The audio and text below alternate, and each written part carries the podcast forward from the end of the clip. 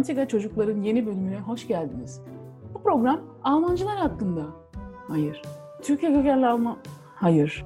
Almanya Türkleri... Hayır. Bu program bizimle ilgili.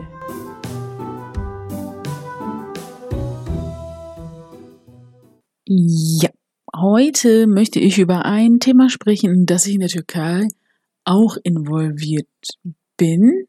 Ich habe mir schon oft über dieses Thema Gedanken gemacht, nur kannte ich bis heute den Hintergrund des Problems nicht. Und zwar geht es darum, dass man im türkischen Bildungssystem, also in türkischen Schulen als Schüler äh, nicht sitzen bleiben kann oder konnte, denn das soll sich jetzt ändern. Ich wusste das nämlich nicht. Also ich habe schon oft gehört, dass das Sitzenbleiben in der Türkei nicht so streng genommen wird, dass Schüler oft äh, versetzt werden im Regelfall. Äh, dass das aber etwas Offizielles war, wusste ich nicht und habe das erst jetzt mit der Nachricht erfahren, äh, indem der Kultusminister einige Erneuerungen im System äh, durchführen will. Diese Nachricht hat mich ehrlich gesagt verwirrt und andererseits fand ich es sehr interessant, denn äh, mich kannte das nicht, dass das nicht versetzt werden eine offizielle Politik sein kann. Das hat jetzt aber der neue Kultusminister beschrieben als Problem. Ähm, es ist ja bekannt, dass sich in der Türkei mit jedem neuen Minister das System ändert, das System wird das alte System vom alten Minister wird immer wieder in Frage gestellt, sobald ein neuer Minister ernannt wird. Und nun mit dem neuen Minister kam die Debatte auf, dass äh, es einige Probleme gibt, die beseitigt werden sollen. Diese Probleme sollen, wie gesagt, jetzt beseitigt werden. Es wurden zwei bis drei Punkte als Probleme angesprochen. Und zwar möchte ich zu dem Sitzenbleiben als letztes kommen geht es einerseits, also erstens, um den Übergang äh, zu Ferngymnasien zu erschweren. Und zwar würde es in der Türkei ein äh, wieder inoffizielles System geben, in dem Schülerinnen und Schüler in den letzten Jahrgängen, in den 11. und 12. Klassen vor allem, äh, auf Fernschulen wechseln. Äh, das war mir ehrlich gesagt auch nicht bekannt. Äh, dieses Problem steigerte sich vor allem in der Pandemie. Äh, in der Pandemie war es auch in der Türkei so, dass Unterricht online gehalten wurde und Ferngymnasien, die ja sowieso online alles äh, unterrichteten, hielten jetzt ihre Prüfungen auch online. Vorher war das nämlich so, dass Ferngymnasien äh, Unterricht online anboten. Äh, die Prüfungen hierzu aber waren äh, immer in Präsenz. In der Pandemie nun war es aber so, dass auch die Prüfungen in den Ferngymnasien online durchgeführt worden waren. Ähm, dieses führte anscheinend dazu, dass ähm, Schüler aus normalen Gymnasien, aus normalen Schulen äh, die Chance darin erkannten und zu diesen Schulen wechselten. Denn es wurden kaum Kontrollen darüber durchgeführt, wer hinter dem Computer in der Prüfung sitzt. Äh, somit war es für einige eine Chance, äh, das Gymnasium zu absolvieren, denn man konnte jedem um Hilfe bitten, an der Prüfung teilzunehmen für sich selbst. Und somit stiegen angeblich die Zahlen äh, derer, die auf ein Ferngymnasium wechselten. Dieser Übergang soll nun erschwert werden.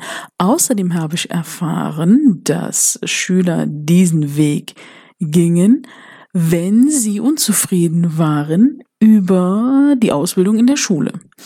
Nun war es so, dass man nicht zufrieden war mit der Ausbildung in der Pandemie. Die ja online war.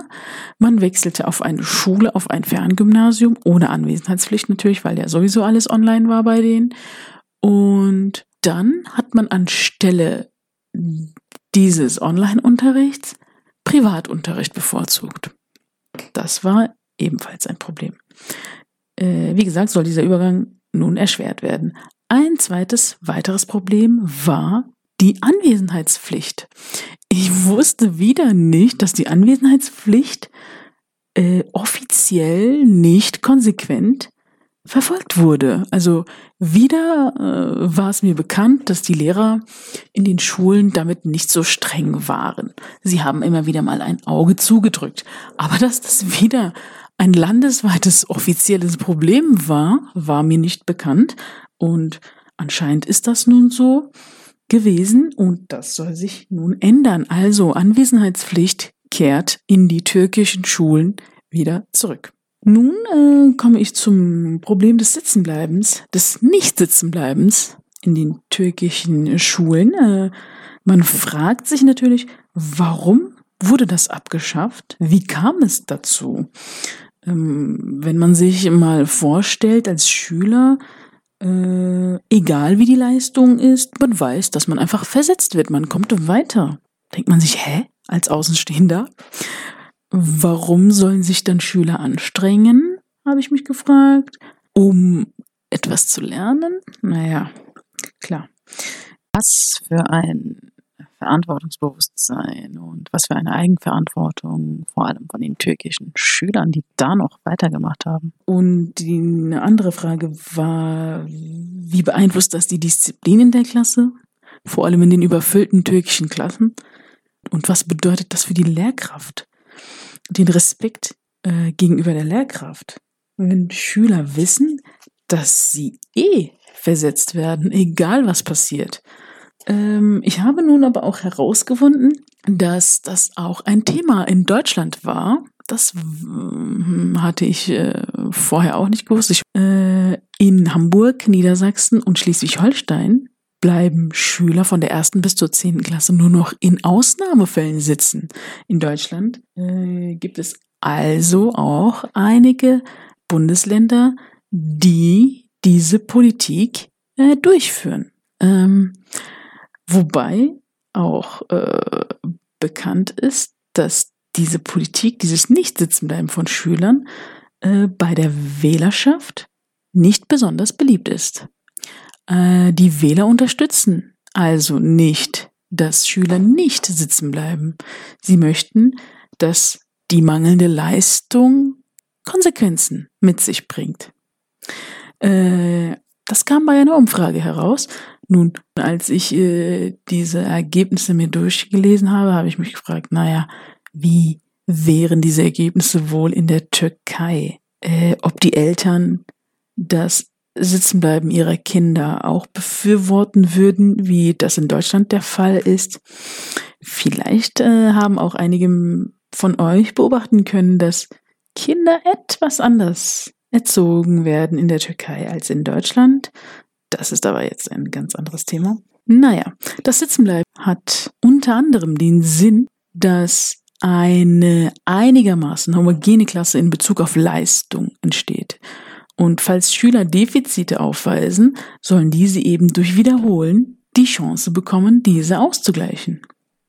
In vielen Ländern äh, soll die Wiederholung bereits schon abgeschafft worden sein, mit der Begründung, dass es nicht viel bringt, wenn Schüler noch ein Jahr mit demselben Problem oder mit denselben Problemen alleine gelassen werden und das auch noch in einer neuen Klasse ohne ihre alten Freunde. Individuelle Unterstützung heißt das entsprechende Stichwort.